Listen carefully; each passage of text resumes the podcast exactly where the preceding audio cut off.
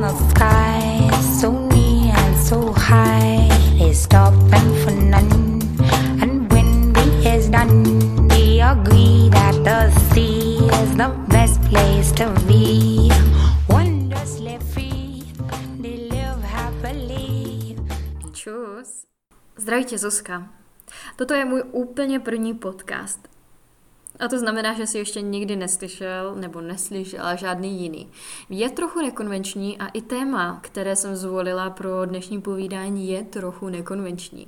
Většinou lidi začínají podcasty tím, že se aspoň trochu představí obecenstvo, aby věděli, s kým budou mít tu čest po několik následujících většinou desítek minut a zda to vůbec bude mít nějaký jakoby význam toho člověka poslouchat a zda vůbec eh, bude mít význam to, co ten člověk bude pojídat.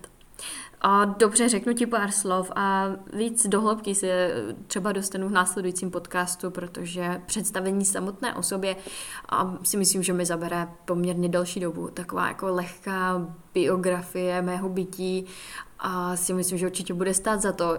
Vždycky jsem chtěla napsat knihu, nejeden člověk mi k tomu nabádl, abych tu knihu napsala a já ji určitě jednu napíšu, ale taky ti k tomu udělám podcast.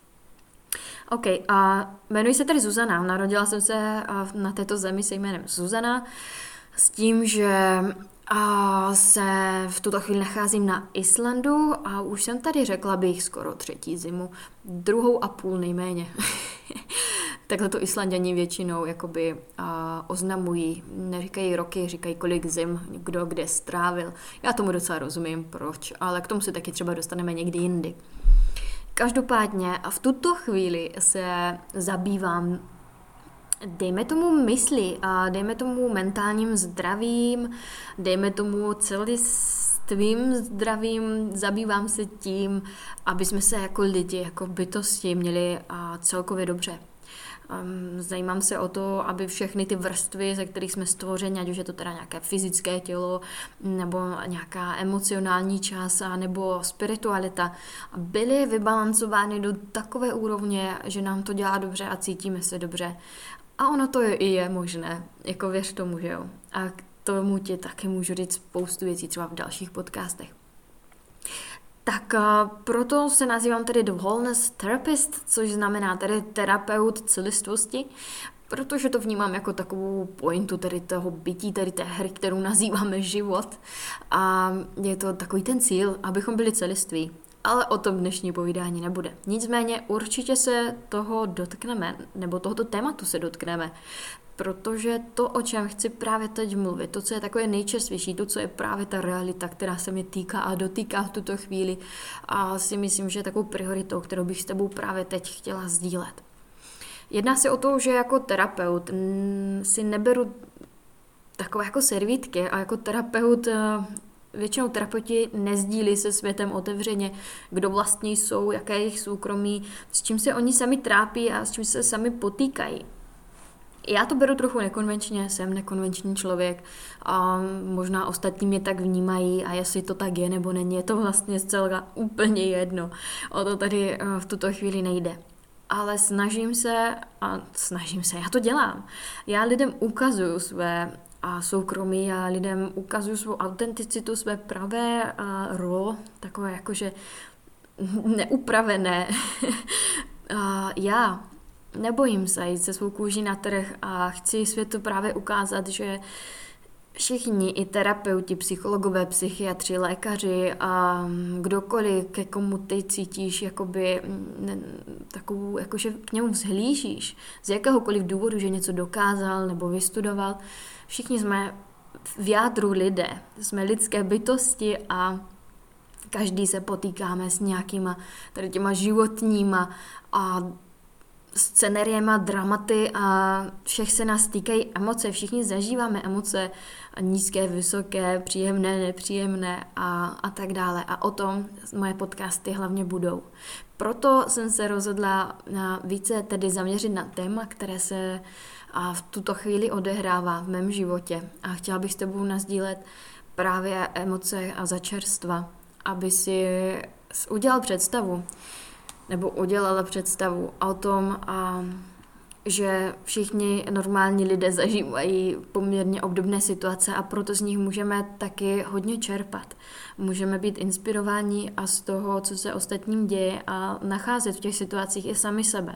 Proto se snažím a proto to dělám aby i ty jsi měl možnost, měla možnost v tom najít sám sebe a třeba se trochu inspirovat. Tak jo, já jdu tedy k věci. Um, v tuto chvíli je jako vážně zajímavá situace. Představ si, že před půl rokem jsem uh, dostala k narození na výklad z karet. Můj přístup ke kartám je poměrně, bych řekla, hodně v pohodě a nesoudím je, je mi to de facto jedno. Je to taková pěkná hra, takové rozptýlení, jakože někdo ti teda něco řekne, týká se to tebe, je to takové příjemné poslouchat teda nějaký příběh o tobě. Někdy se s tím stotožníš, někdy ne a de facto záleží na tobě, co si z toho chceš vzít. Nicméně tahle kartářka mi před půl rokem řekla, máš sestru? A já říkám, hele nemám. Aha, a máš nějakou blízkou kamarádku? A já říkám, no tak jako jo, mám dvě takové blízké kamarádky. A kartařka mě říká, ale já tady vidím, že ta kamarádka tě zradí a bude se to hodně týkat peněz. A já jsem si říkala, no tak to je kravina jak mraky. Moje kamarádky nemají absolutně zaprvé žádný důvod pro to, aby mě zrazovali. Navíc nejsou tady ani se mnou na Islandu. A peněz? S kamarádkama jsme nikdy žádné pletichy v rámci peněz neměli, ani oni nic jakoby neřešili. Nicméně a po půl roce se teď objevila taková situace, která a, rozložila karty nejenom mě a mým kamarádkám na stůl, ale i ostatním lidem, kterých se to týká. A nestačíme se nikdo divit a zjišťujeme, že opravdu se dějou věci, které v těch kartách před půl rokem byly vyřčeny. Představ si, že máš tedy kamaráda. Představ si, že tvůj kamarád chodí s kamarádkou. A teď si představ, že tvoje kamarádka toho tvého kamaráda podvání. Představ si, že ta tvoje kamarádka tě žádá, abys to samozřejmě tomu kamarádovi neříkal. Jak se zachováš? Dostala ses nebo dostal ses už někdy do takové situace, kdyby si byl postavený, postavená po, před takovou věc, že bys musel jakoby rozhodovat, jestli jít proti tvým hodnotám, pokud tvé hodnoty jsou pravda a upřímnost a jakoby zastírat anebo přímo lhát svým přátelům a nebo jít jakoby s tou pravdou ven. Já mám ve svých hodnotách jasno a pro mě jsou stavebními kameny právě že pravda a upřímnost, taková jasnost, hlavně ve vztazích. Ať už je to vztah s mým partnerem, anebo právě s mými eh, přáteli kolem mě, s mými kamarádkami. A věřila jsem, věřila jsem, že se to bude odrážet i v těch vztazích, protože v minulosti jsem si prošla mnoha zajímavými situacemi, kdy a ta pravda a upřímnost a zastírání z mé strany nebyly stoprocentní a taky jsem přišla na to, že to není nejlepší cesta, jak k těm vztahům přistupovat. Díky tomu jsem se taky naučila, že je to něco, s čím nechci dále jakoby pracovat ve svých vztazích a našla jsem si tu cestu v tom, že i když je to těžké, a tu pravdu tomu člověku říct, protože se bojíš, že budeš odsouzený, nepochopený, nebo um, že to skončí, něco, co vlastně nechceš, aby skončilo, ale i přesto se to vždycky vyplatí, protože přes všechnu tady tu bolest ty potom získáš jakoby takový dárek, dárek ve smyslu, i kdyby to mělo skončit, tak každý konec je nový začátek a ty víš, že s tou pravdou vždycky nejdál dojdeš, protože jak víme všichni, lež má krátké nohy, že jo. a myslím si, že každý si to z nás prožil aspoň v nějaké formě. Nicméně ta situace, kterou já jsem si teď procházela, byla mnohem víc komplikovaná a komplexní, než to, že moje kamarádka podváděla mého kamaráda. A protože k tomu by si asi potřebovala nebo potřeboval nakreslit schéma. A kdybych to měla říct v jednoduchosti, jedná se o to, že ta kamarádka žila jakoby trojí život. A byla tak tajemná, že ani my jako její nejlepší kamarádky jsme o tom životě nevěděli. A nemůžu říct, že by to byla něčí chyba. A že jsme se třeba dostatečně nevyptávali. My jsme to prostě brali tak, jak ona nám to nějakým způsobem komunikovala a nechtěli jsme se v tom šťourat, protože jsme cítili, že není otevřená tomu, aby jsme se v tom šťourali. A přijali jsme ji takovou, jaká je, ať už byla tedy tajemná a s nějakými tajnostmi a milujeme ji takovou, jaká je. Nicméně tady ty tajnosti dosáhly takových sfér, že se začaly týkat tedy nejen nás, našich přátel okolo, ale i dalších lidí do toho zakomponovaných, jako třeba našich partnerů, kteří s tím absolutně vůbec neměli nic společného. Nicméně tady tyto dramatické a složité situace jsou každodenním chlebem nejednoho z nás a můžeme se z nich hodně poučit. A konkrétně příklad této kamarádky, která žila trojí život a podváděla naše kamarády, nás dovedlo k uvědomění spoustu úžasných věcí. Jednak a uvědomění číslo jedna. Aby jsme pochopili našeho kamaráda, proč má tendence podvádět a, své přítele nebo svého přítele, tak a, je dobré si jakoby nazout boty toho tvého kamaráda, kamarádky. To znamená a zkusit se vžít do té situace, kterou právě prožívá této situaci to bylo tak, že ona uh, měla partnera, s kterým žila 18 let. Nicméně a partnery dodával obrovské zázemí a hojnost všeho, co si jenom dokážeš představit. Co jí však chybělo, tak byla jakási jiskra, jakási, jakási, jakýsi motivátor do nějakého dalšího společného tvoření. A proto se rozhodla otevřít dalším vztahům a otevřela si další dva vztahy – Jeden vztah byl eh, s chlapcem, který fyzicky přitahoval, ale neměl to finanční zázemí. A pak měla další vztah s mužem, který a byl velmi inteligentní, nicméně nebyl třeba zase tak fyzicky přitažlivý. A kdyby dala všechny tyto tři muže dohromady, tak by měla toho ideálního muže. Nicméně ona se bála vystoupit z toho komfortu, který její původní partner dopřával a bála se, že když začne něco nového, že jí ten komfort bude velmi chybět. Je tam spousta strachů, je tam spousta hmm, domněnek, je tam spousta nevyřešených vnitřních pochodů a jistá, jistý nedostatek sebelásky, který člověka vede k tomu, aby uh, se snížil na tu úroveň um, těchto kroků. A jak se říká, zoufalí lidé dělají zoufalé věci a sníží se k tomu, že začne lhát nejenom tedy lidem kolem sebe, těm nejbližším, které miluje nejvíce, ale začne lhát hlavně i sám sobě a začne těm lžím věřit, začne si je sám omlouvat a dostává se do situace, kde manipuluje ostatními a ale stejně jednou ta pravda vyjde na povrch. Tak se stalo i nyní. A dejme tomu, že čistou náhodou to tedy propuklo na světlo světa, kde se tedy um, chlapci dozvěděli o tom, že nejsou vlastně jediní v tom vztahu a že jich tam je vlastně mnohem více. A teď bylo velmi zajímavé pozorovat reakce. A jeden chlapec, který s ní tedy byl v tom partnerském vztahu 18 let, který nejdéle a zajišťovali, mm, byl samozřejmě zlomený, nešťastný, ale stejně přeze všechno a všechno utrpení a bolest byl odhodlaný a ochotný otevřít se té možnosti, že to tady zvládnou a, a půjdou dál a budou spolu. I přeze všechny opravdu nepříjemné věci a detaily, které se tam naskýtaly, mm, dokázal v sobě najít tu možnost. A tady tomu se říká, že lidi jsou tak hodní a naivní, až jsou prostě hloupí. A člověk si říká chudák, ty kluk, nechá se takhle jako vodit za nos a nalhávat si a manipulovat se sebou. Nicméně v této chvíli a v této situaci to není o tom, že by člověk byl mm, obětí něčeho, co se mu děje.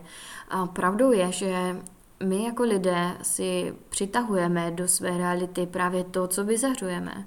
Pokud tento člověk si přitáhl do své reality situaci, kdy je podvedený, kdy se mu celé léta děli a tady tyto nevyhádřené lži a podvody a zastírání, je to tím, že on tady tu emoci ze sebe vyzařoval, respektive ani si nemusel toho být vědom, protože často máme v sobě zakodováno ve svém podvědomí tolik informací, tolik starých vzorců, podle kterých my se chováme.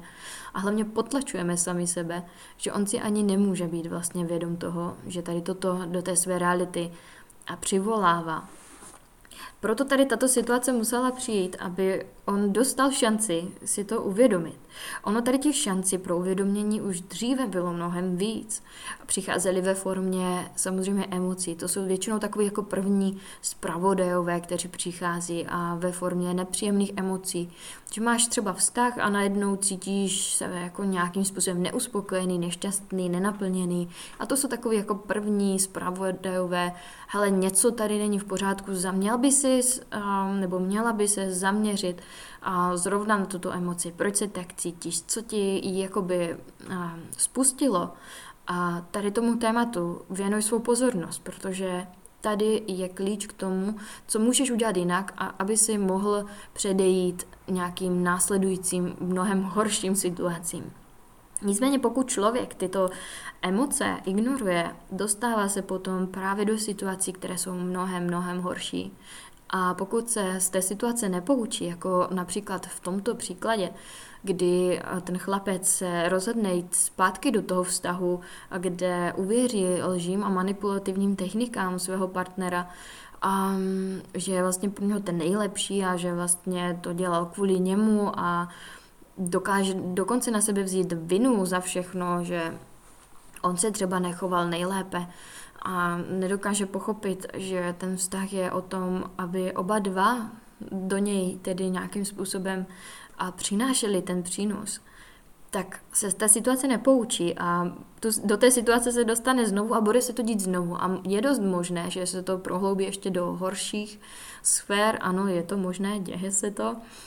A pak se z toho možná poučí, možná, že potom tedy fyzicky už to tělo nezvládne, že už většinou, když psychika už vyčerpá veškeré své messengery, své zpravodaje, pak se to projevuje tedy na fyzickém těle. Ehm, projevuje se to třeba totálním vyčerpáním a bez nějakého logického analytického důvodu. Je to čistá psychosomatika. Člověk, který skončí na intenzivní péči a neví si s ním rady, protože je to selhání organismu a není k tomu žádná logická um, příčina. Pak tady máme tedy tu druhou stranu té ženy, která tady toto činí a můžeme si říkat, že to je teda jako hnus, znechucení a můžeme tuto ženu odsoudit za její činy, že se tak chová, že jak si to může dovolit a že je to naprosto neadekvátní a nepřípustné. Nicméně ani tady to není jenom černé nebo bílé, protože ta žena k tomu samozřejmě taky měla nějaké důvody, aby a se začala chovat tak, jak se chovala. Pokud by měla nastavené hranice od svého partnera, pokud aby ten partner si vážil sám sebe a dali to najevo, pokud by ten partner měl dostatečně rád sám sebe, a tak eh, by neměla třeba tolik a tady tyto pocity, aby hledala lásku jinde. Samozřejmě je to i v ní a ve, ve smyslu, že jí v tomto konkrétním případě chybí jisté uvědomění sebelásky, sebehodnoty, a taky ten strach. Cítím, že tady je nejvyšší, největším problémem ten strach z odsouzení, kdy ona se bojí vystoupit v té své pravdě a postavit se na vlastní nohy. Bojí se, že se třeba nedokáže zaopatřit na takové úrovni, na jaké byla zaopatřená s tím mužem. A proto hledá ty zdroje jinde, ale samozřejmě není uspokojená třeba taky na jiných úrovních ale tam je zase otázka, dokáže uspokojit ona sama sebe. Je tam těch úrovní strašná spousta. Já bych celým tímto příběhem chtěla poukázat jenom na to, že nikdy a, není problém jenom na jedné straně. Vždycky ten problém musíme hledat a v nás samotných. Konkrétně to, co nás nejvíce štve na našich partnerech to, co odsuzujeme na našich partnerech, a nemusí to být jenom naši partneři, můžou to být klidně i naši kolegové, naše rodina, lidé, který, se kterými se setkáváme, vše, co vnímáme jako něco, co v nás vyvolává právě jakože pocity nepříjemné, tak je to právě ta zpráva z našeho podvědomí. Hele, zaměř se tady na tohle, protože není to tím člověkem. Ten člověk de facto mu můžeš poděkovat za to, že tady je To je vlastně podstata těch um, partnerských vztahů. My jsme tady jeden pro druhého, abychom si de facto, jak se říká, nastavovali zrcadlo, abychom si ukazovali, kde právě je v nás zakořeněno to něco, na co musíme tu naši pozornost a přenést.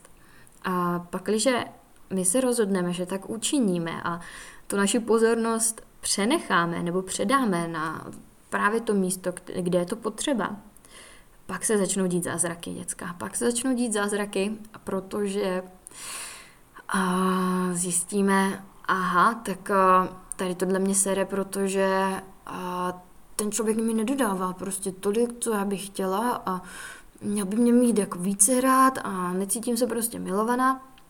A pak už je to o té samotné práci s tím pocitem.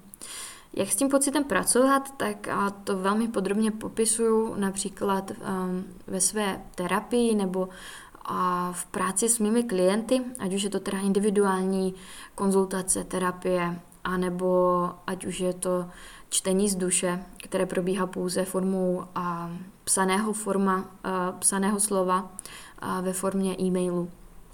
Tam se svými klienty sdílím právě postupy, jak s těmito emocemi pracovat tak, aby pochopili, čeho ty emoce jsou vlastně zprávami a co si o sobě můžeme dozvědět a co potřebuje tu naši pozornost tak, abychom to mohli přetvořit k obrazu svému a nemuseli takovýmto situacím čelit.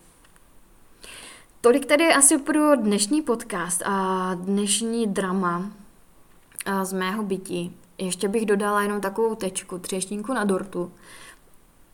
A říkám si, že ty vrstvy, eh, je jich tady vždycky více, není to jenom o těch lidech, jakože kamarádka s kamarádem, ale vždycky se to dotýká i nás, jakoby pozorovatelů, protože jsme do toho zakomponováni. Pak je tady vlastně i ta vrstva toho, jestli ten kamarád to tomu kamarádovi má říct nebo nemá říct a proč se to vlastně děje nám. Pak, když já mám v sobě zpracováno, tady ty lži, intriky a zastírání. Proč by se mi to mělo teda v životě objevovat a zrcadlit a co mi to má teda říct. Občas, i když už vyřešíš v sobě tady tyhle záležitosti, můžou se ti ty situace objevit v životě jenom jako by takové, taková potvrzovací zkouška. A ve smyslu, že a ti to tam přijde, aby si jakoby vyzkoušel, jestli to myslíš vážně, jestli opravdu si za těmi svými hodnotami stojíš, a nebo jestli potřebuješ ještě nějakou zkoušku, aby si to jako utvrdil.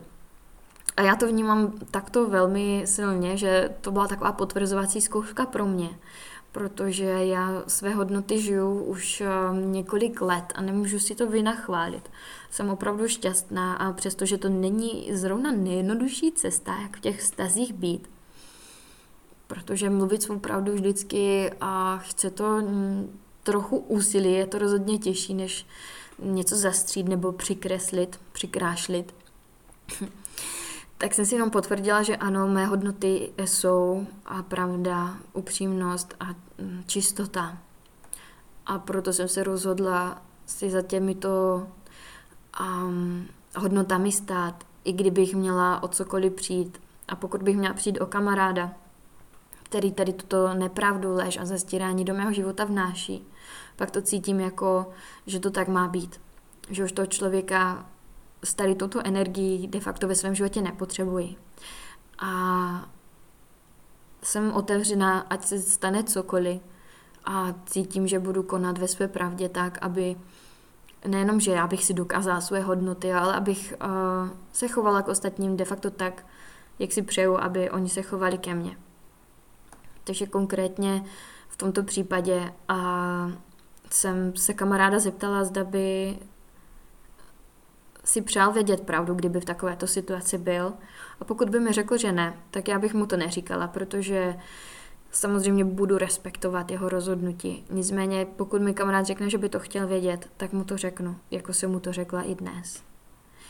A toto je de facto asi to nejlepší, co můžeme udělat. I když řeknu ti, hele, není špatná nebo dobrá cesta, ale o tom si budeme vykládat v dalších podcastech více dopodrobná a věřím, že tak obohatím i trochu ten tvůj všední den.